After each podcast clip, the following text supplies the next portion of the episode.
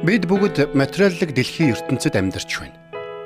Өдөр бүр бид аз жаргал, гуниг зовлон, амжилт, ололт, уналт бүтлгүйтлийг мэдрэн амьдардаг. Тэр бүхэн бидэнд маш бодтой мэд санагддаг. Тэгвэл хамтдаа нэвтрүүлгийн өнөөдрийн дугаараар доктор Чарлз Стенли бидэнд Бурхны үг бидний сэтгэл хөдлөл, бидний дотор төрдөг мэдрэмжээс ч илүү бодтой болохыг сануулan хэлж байна. Үнэн таныг чөлөөлнө хэмээх энэхүү цовруулаар дамжуулаад доктор Стенли бидэнд Христэд итгэгчид бид гим нүглийн хүлээсийг ялан дийлж баяр хөөр урам зоригтой амьдралаар амьдрах нууцыг танилцуулж байгаа билээ. Ингээд хамтдаа доктор Стенли ярианд анхаарлаа хандуулцгаая.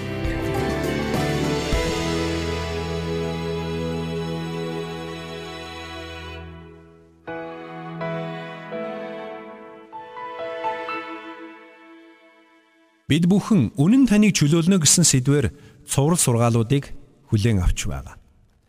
Тэгвэл өнөөдөр Эфесийн 1-р бүлэгт энэ сэдвтэй холбоотой нэгэн чухал зүйлийг өгүүлсэн байгааг харъя. Эфесийн 1-ийн 7. Түүний нэгүслийн баялгаар бид түүний дотор цусныхын золилт гим нүглийн маань төлөөх уучлал бий гэсэн баг. Энд Илч Паул хэлэхдээ түүний доторх цусныхын золилт бий гэж хэлсэн байна. Энэ бол Эзэн Есүс Христ загалмай дээр бидний түлэх ёстой байсан төлөөсийг түлж биднийг золин авсан гэсэн үг юм. Биднийг нүглийн боолчлоос чөлөөлж шин амьдралын зам дээр гаргаж тавьсан гэсэн үг юм. Тиймээс ч Элч Паул энд түүний дотор цусныхын золилт гим нүглийн маань төлөх уучлал бие хэмээн бичсэн юм. Өөрөөр хэлбэл 2000 жилийн тэртет бид бүхний гим нүглийн төлөө төлөх байсан төлөөс аль эдийн хийгдэж Бидний золилт гүйцэлдэж бидний бүх гим нүгэл аль хэдийн уучлагдсан байна. Магадгүй та одоо бурхны өмнө гимшихтэй яг одоо цаг дээр гимшиж байж болох ч таны уучлал аль хэдийн 2000 жилийн тэртет загалмай дээр гүйцэлдсэн юм. Тиймээс та загалмайгаас алхам холдох үедээ асуудал зовлонтой хутгалдаж байдаг гэдгийг ойлгох хэрэгтэй. Учир нь бүх зүйл Христийн загалмаатай нэгт холбоотой юм. Бидний бүхий л найдвар бүхий л тусламж Христийн загалмаатай шууд холбоотой юм. Тийм ч учраас Илж Паул хэлэхдээ түүний нэгүслийн баялгаар бидэнд түүний дотор цусныхын золилт гим нүглийн маань төлөөх уучлал байгаамаа гэж хэлээд байгаа юм. Ингээд хамтдаа цааш нь үргэлжлүүлэн Эфес 1-ийн 3-ыг харъя. Бидний эзэн Есүс Христийн эцэг бурхан магтагдах болтугай. Тэрээр Христ дор Тэнгэрлэг оршихуйд дахь алив сүнслэг өрөөлөөр биднийг Юросима гэсэн байгаа. Энд гарч буй юрөх гэсэн үг нь грек хэлэнд ямар нэгэн сайн зүйлийг хэлэх гэсэн утгатай үг юм. Энд нэг сонирхолтой зүйлийг дурдмаар байна. Заримдаа итгэгчид бид Бурхныг юрөх тухай ярьдаг. Мэдээж энэ нь бидний зүрхний баялгаас гарч буй үгс.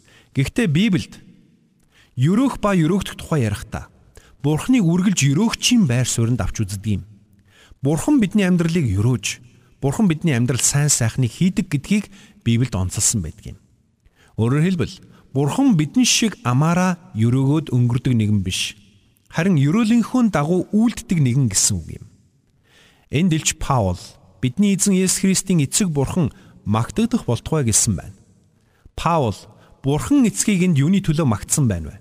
Тэрээр цааш нь үргэлжлүүлээд тэрээр Христ дор Тэнгэрлэг оршихуйдах алив сүнслэг өрөөлүүдээр биднийг өрөөсөн нэг юм а гэж хэлсэн байна.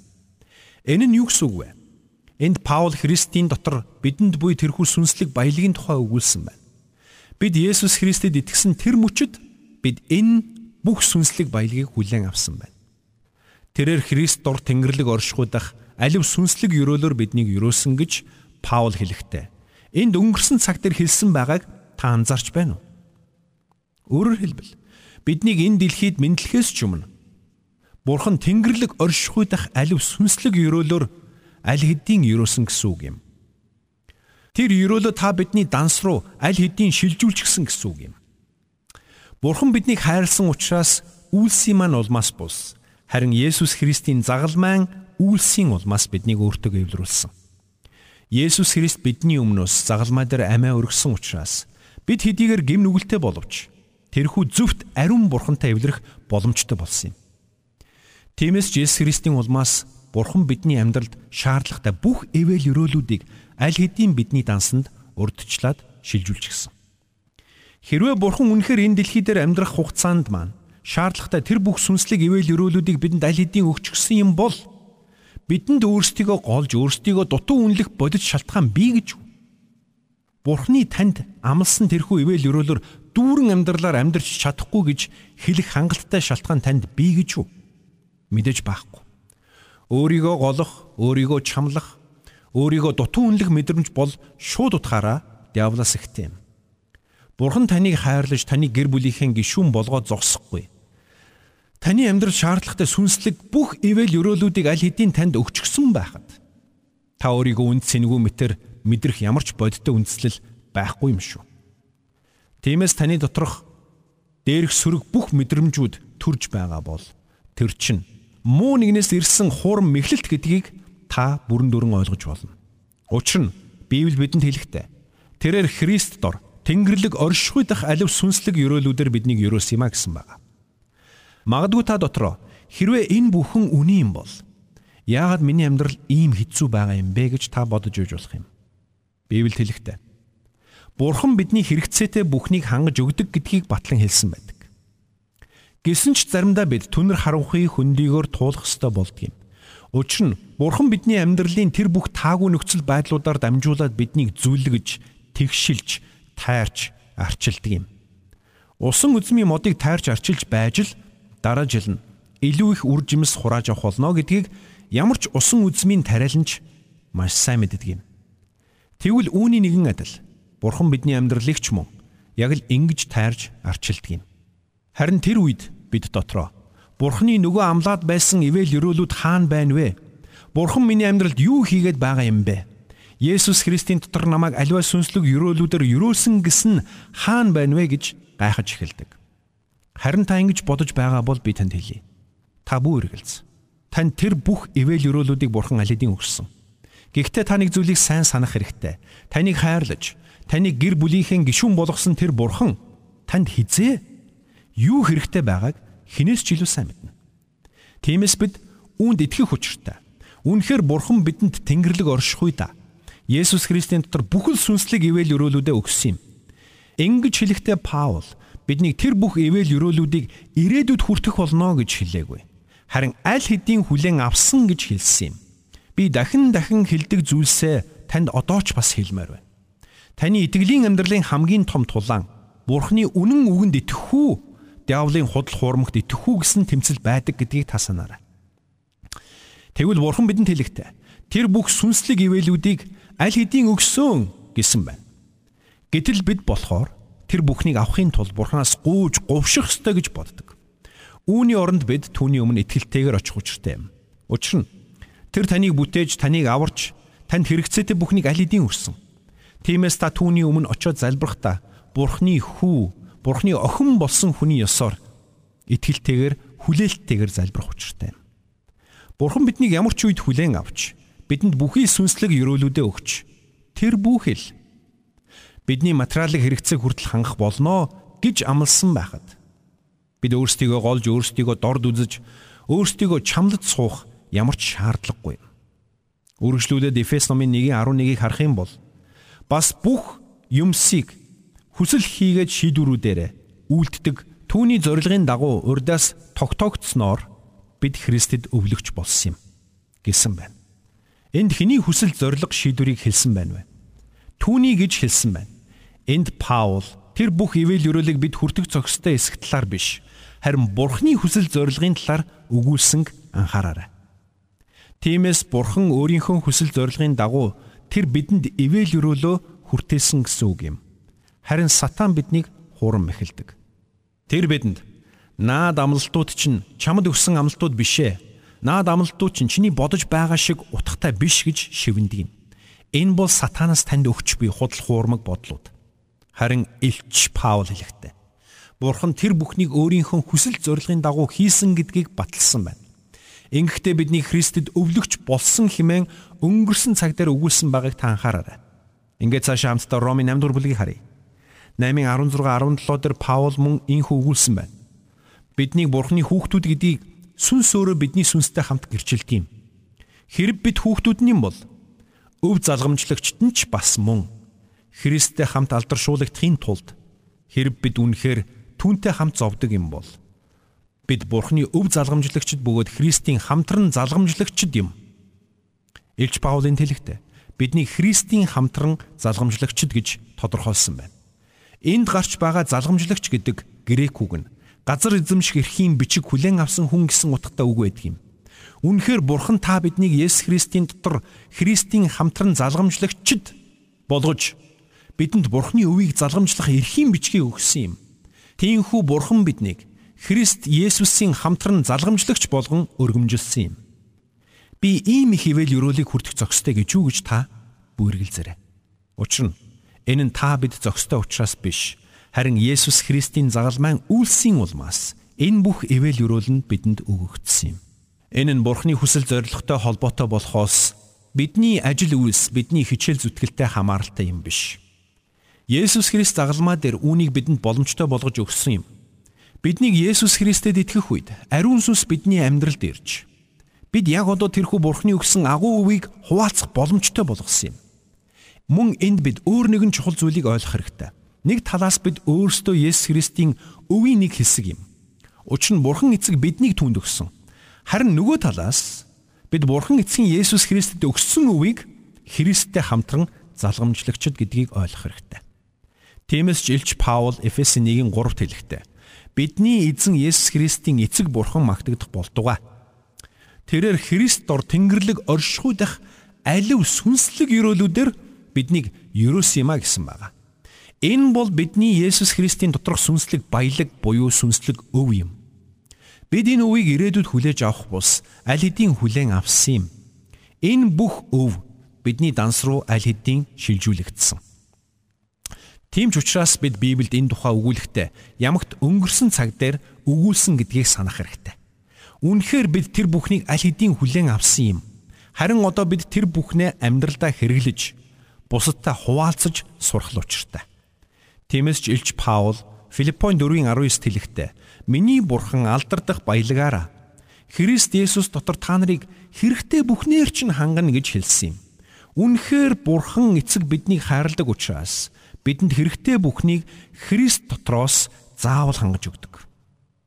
Үргэлжлүүлээд Эфес 1:14-ийг харуул энд Илч Паул ариун сүнсний тухай өгүүлэхдээ тэр нь Бурхны эзэмшлийн золилт хүртэл бидний өвийн батлан даагч болж түүний алдрыг магтуу магтуулахын тулд юм а гэсэн байдаг. Эндээс харуул Бурхан ариун сүнсээ бидэнд өгөхдөө бидний өвийг баталгаатай болгосон юм. Бурхан хожмын нэгэн сайхан өдөр та нарт өгөх болно гэж хэлээгүй гэдгийг бид санах хэрэгтэй. Үйлсийн 2-ын 1-ээс 2-ыг харах юм бол би та нарт уншиж өгье. Пентекостийн өдөр болоход Тэд цөмөөрөө нэг газар цугласан байлаа. Хүчит хууль салхи мэд чимээ тэнгэрээс гинт гарч тэдний сууж байсан байр бүхэлдээ үүнд автжээ. Харж байна уу? Ариун сүнс тинхүү буун ирсэн итгэвч хүн нэг бүрд Бурхны өгсөн амлалтын баталгаа байсан юм. Үнэхээр Есүс Христэд итгэвч хүн нэг бүрийн дотор ариун сүнс нутаглаж итгэвч хүн бүр ариун сүнсээр тамгалагддаг. Энэ бол Тэд Бурхны гайхамшигтай өвийг хүлээн авсан болохыг батлах хөдөлшгүй баталгаа юм. Учир нь Бурхны энэ өв бол бидэнд өгөгдсөн мөнхийн өв юм. Хамтдаа дараагийн ишлэгийг харцгаая. Эфес намын 2 дугаар бүлгийн 17 18-ыг харах юм бол Тэр ирж алс хол байсан та нарт амар тайвныг болон ойр байгстад ч амар тайвныг тунхагласан юм. Тиймээс аль аль нь нэг сүнсэнд Христээр дамжин эцэг өөд очих замтай болжээ Цааш нь үргэлжлүүлээд Ромын 5 дугаар бүлгийг гаргаад 1 2 дугаар ишлэгийг нь харъя. Паулийн хүү өгүүлсэн байна. Тиймээс бид итгэлээр зөвтгөгдсөн тул эзэн Есүс Христээр дамжин бурхантай эвлэрсэн. Мөн дотор нь зогсдог энэ хүү нэгүсэл рүү бид түүгээр дамжин итгэлээр орох боломжтой болсон бөгөөд бид бурхны алдрын найдварт баярлдаг юмаа гэсэн баг юм. Эдгээр ишлүүдэд бид бүхнийг тодорхойлон хэлэхдээ бурхны нэгүсэл дор зогсдог нэгэн гэж хэлсэн байна. Үнэхээр бид бүгд Бурхны нэгүслэр амьдарч байгаа гэдгээ мэднэ. Өөрөөр хэлбэл бидэнд байгаа бүхэн Бурхны нэгүсэл гэсэн үг юм. Учир нь бид өөрсдийн хүчээр Бурханд таалагдж, өөрсдийн гавьяагаар Бурханаас шагнал хүртэх боломжгүй юм. Харин бид Христийн дотор зогсож ариун сүнсний дотор нутгалсан тэр цагаас эхлэн бид Бурхны нэгүсэл дотор зогсож, нэгүсэл дотор алхаж, нэгүсэл дотор амьдарч, нэгүсэл дотор энэ дэлхийг орхих ёстой болсон юм. Тэгэхээр Бурхны бидэнд өгсөн өвийн хувьд нэгдүгээрт Бурхан бидэнд энэ өвийг ирээдүйд өгөх бус харин аль хэдийн өгсөн байна. Хоёрдугаарт тэр бүх ивэл өрөөлүүдийг бидний нэр дээрх данс руу аль хэдийн шилжүүлсэн байна. Гуравдугаарт бид тэр ивэл өрөөлийг яг одоо ч хүртэх боломжтой байна. Эфес 1-ийн 3-т хэлэхдээ тэрээр Христ дотор Тэнгэрлэг оршихуйдах алив сүнслэг өрөөлүүдээр биднийг өрөөсөн гэсэн байдаг. Бид энэ өрөөлийг хүлээн авсан гэдэг нь нэг хэрэг. Харин бид өдөр тутмын амьдралдаа энэ өрөөлийг хэрхэн амсах вэ гэдэг нь тис өөр асуудал юм шүү. Тиймээс хамтдаа Ромын 5-ын 2-ыг харъя. Мөн дотор нь зогсдог энэ хүү нэгүсэл рүү бид түүгээр дамжин итгэлээр орох боломжтой болсон бөгөөд бид Бурхны алдрын найдварт баярладаг юм а. Эндээс үзвэл бидэнд байгаа бүхэн Бурхны нэгүслийн үр дагавар байна. Энэ бол Бурхны нэгүсэл бидний амьдралд бодтойгоор хэрэгцсээр байгаагийн илрэл юм. Үүнхээр бидэнд хэрэгтэй бүхнийг Бурхан нэгүслийнхээ дотор бидэнд хангаж өгсөн байна. Мөн хамтаа Эфесийн 2-ын 18-ыг нь харъя. Тиймээс аль аль нь нэг сүнсэнд Христээр дамжин эцэг өд очих замтай болсон гэсэн байна. Энд гарч байгаа зам гэдэг грек үг нь суг гэсэн утгатай үг юм. Тухайн үед хөлөг онгоцыг бомб руу аюулгүй хүлээн авахд зориулан тусгаалan сууг татдаг байжээ. Уг суугаар дамжуулан хөлөг онгоцнууд бомбонд аюулгүйр зогсдог байсан байна. Сонирхолтой нь энэ үг мөн хаад ноёттой ихс дээдстэй уулзаж ярилцах онцгой эрх гэсэн утгаар мөн давхар хэрэглэгддэг байсан. Тэгвэл эндээс бид юуг ойлгох хэрэгтэй байна вэ? Есүс Христ загалмай дээр бидний төлөө цусаа урсгаснаар бид Христэд итгэх итгэлээр Бурхны өмнө очих боломжтой болсон байна. Бид Есүс Христэд итгэсэн тэр мөчөд ариун сүнс бидний амьдралд ирж бидний өмнө Бурхан эцэгт очих үүд хаалгыг бүрэн нээсэн байна. Тиймээс цаашид бид хин нэгэн хүнээр дамжин Бурханд залбирах, өргөх шаардлагагүй болсон юм. Учир нь Есүс Христийн урсгасан цусаар дамжуулаад бид Бурхан эцгийн өмнө шууд очих боломжтой болжээ. Улмаар бидний дотор нутгалсан ариун сүнс биднийг Бурхан эцэг рүү чиглүүлдэг байна. Яг л том хөлөг онгоц бомбонд ирэх үед чирэгч завнууд уг хөлгийг бомб руу хүргэх сувг руу чирч оруулдагтай ижилхэн. Тэгэхээр ариун сүнс бол яг л ийм чирэгчийн үүргийг бидний амьдралд гүйцэтгэдэг. Тийм ч учраас бид ариун сүнсний чирэлт буюу ариун сүнсний удирдамжийг даган амьдрах нь чухал юм. Мөн Ромын 8:26 дээр хэлэхдээ үүнчлэн мөн сүнс бидний сулдраа байдалд тусалдаг юм а. Учир нь яаж залбирах ёстойгоо бид мэддэггүй юм. Харин сүнс өөрөө үгээр илэрхийлшгүйгээр яолон байж бидний төлөө юм а гэсэн байна. Үнэхээр ариун сүнс биднийг Бурхан эцгийн оршихуй руу хөтлөн дагуулдаг. Тэр эцэг бурхан бол биднийг бүхий л сүнслэг өрөөлүүдээр өрөөсөн бурхан. Тэр бидний нэрийг өв залгамжлын хуудсан дээр бичиж биднийг мөнхийн мөнхөд Христийн хамтран өв залгамжлагч болгосон бурхан. Тийм ч учраас Еврей номын 4:16-д хэлэхдээ Тиймд бид хэрэгцээтэй цагт туслах нэгүслийг олж өршөөлийг хүлээн авахын тулд нэгүслийн хаан ширээнд зоримгоор очицгоё гэсэн байдаг юм. Үнэхээр та бид Бурхан эцгийн оршихуйд хүндэтгэлтэй бөгөөд зоримгоор ойртон очиж түүнд бүх гуйл залбирлаа өргөх боломжтой юм. Учир нь та бидний бурхан эцэг биднийг хүлээн авч бидний дээрээс ивэл өрөөлө буулгахдаа хизээд бэлэн байдаг юм. Бурхан үнэхээр өөрлөө нь ийм л бат итгэлээр ойртон ирэх хүмүүсийг хүлээж байдаг юм. Тиймээс би танд хэлмээр байна. Та яг одоо гэртээ эсвэл ажил дээр эсвэл машинда гэд хаач байж болно. Харин би танд хэлье агуу хүчит бурхан эцэгч нь таныг ивэж өрөөхийг хүсдэг юм. Гэхдээ тэр бурхан эцэгч нь хизээч таны дээрээс ивэл өрөөлө хүчээр асгадаггүй. Тэр бидний амьдралд өөрийн агуу ажлуудаа хизээч хүчээр хийдэггүй. Тиймээс та бурхны өмнө итгэлтэйгээр очиж түн залбирах хэрэгтэй. Та өөрийнхөө сүрэг мэдрэмжийг, өөрийнхөө сүрэг хандлагыг бүү сонс. Харин бурханд итгэл найдвараа тавь. Тэр таныг ивэж өрөөхийг хүсэж байна. Тэр таныг босгон байгуулахыг хүсэж байна. Тэр таныг хүчрхжүүлж, сэтгэл дундуур гундуу амьдралаас чинь таныг чөлөөлж, Бурхныг алдаршуулсан ялалтаар дүүрэн амьдралаар амьдруулахыг хүсэж байна. Тиймээс би танаас асууя. Ромын 5-ын 2-т хэлэхдээ мөн дотор нь зогсдог энэхүү нэгүсэл рүү бид түүгээр дамжин итгэлээр орох боломжтой болсон бөгөөд Бурхны алдрын найдварт баярладаг гэсний дагуу би танаас асууя. Таны итгэдэг Бурхан зөвхөн ажлын 8 цагт л ажилдаг Бурхан гэж үү? Үгүй ээ. Тэр хизээч амралтгүйгээр ажилласаар байдаг бурхан. Тэр амралтанд явдаггүй. Цайны цагт гардаггүй. Тэр зөөрмөлдөггүй, тэр унтдаггүй. Тэгвэл тэр агуу бурхан таны амьдралыг харж хандахгүй гэж үү? Тэр таны амьдралын хорон мүч бүрт санаа тавихгүй гэж үү? Тиймээс бурханд эргэлцэхээ болцгоо. Бурханлаг ирчүүд эмгтээчүүдийн ёсоор итгэлээрээ босон зогсоод бурхнаас хүлээн авсан ивэл өрөөлүүдээ өндөрт өргөж өөртөө эргэлтсэн, өөрийгөө голсон, өөрийгөө чамлсан тэр бүх мэдрэмжүүдээсээ ангиж ирч Бурханаас хүлээн авсан жинхэнэ эрх чөлөөн дотроо итгэлээрээ алхацгаая. Доктор Чарлз Стенли биднийг урд өмнө байгаагүйгээр Бурханд итгэж найдахыг уриалж байна. Учир нь бид Бурханд бүрэн итгэж найдах үед Бурханаас бидэнд өгч буй ивэл ёроолуудыг бүрэн дүүрэн мэдэрч чаддаг байна. Тиймээс хамтдаа Христийн дотор Бурханаас хүлээн авсан ивэл ёроолүүдэд хүлээн зөвшөөрч тэр бүхнээ Христийн алдрын төлөө хэрэгжилж эхэлцгээе. Өнөөдөр авралыг авсан маш олон хүн Есүс Христийн бидэнд өгдөг тэрхүү баяр хөөр, эрх чөлөөг бүрэн дүүрэн мэдэрч чадахгүй амьдарч байна.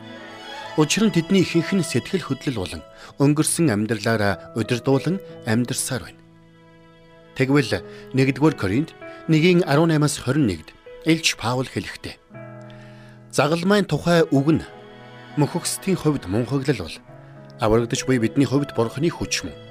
Учир нь би мэрэгдийн мэрэгнийг мөхөөж ухаантнуудын ухааныг үгүй болгоно гэж бичигдсэн байдаг. Мэрэгэн хүн хаана байна?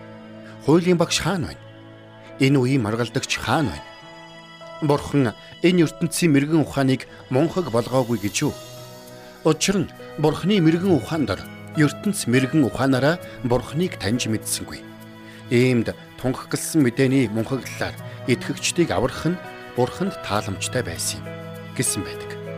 Тиймээс хамтдаа Христийн үннийг амьдралдаа гүн гүнзгий шингээж тэрл үнний дагуу амьдрцгаая.